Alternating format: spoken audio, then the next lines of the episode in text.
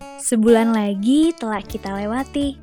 Bulan suci yang sayang sekali telah dilalui bersamaan dengan pandemi. Lagi-lagi pandemi. Bukan bermaksud menyalahkan, hanya menyadarkan bahwa selalu ada tujuan dari suatu kejadian. Alhamdulillah, sekali lagi mengenai bulan suci Ramadan. Bersyukur bagi kita semua yang masih mampu bertahan.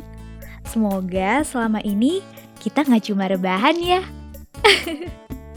Tapi tidak apa-apa yang sudah terlanjur kejadian. Semoga tahun depan Ramadan semakin menyenangkan. Dengan kata lain, semoga kita masih diberi umur yang panjang. Semoga saja ya. Sekarang sudah waktunya menyambut kemenangan bersama takbir yang berkumandang. Setelah menahan segala nafsu selama sebulan, Alhamdulillah kita menang. Selamat kembali ke fitrah, sebuah kesucian yang dinantikan setelah pengampunan dari Tuhan Yang Maha Esa. Maka dari itu, mari memaafkan. Memaafkan semua yang pernah menjadi bagian dari kita.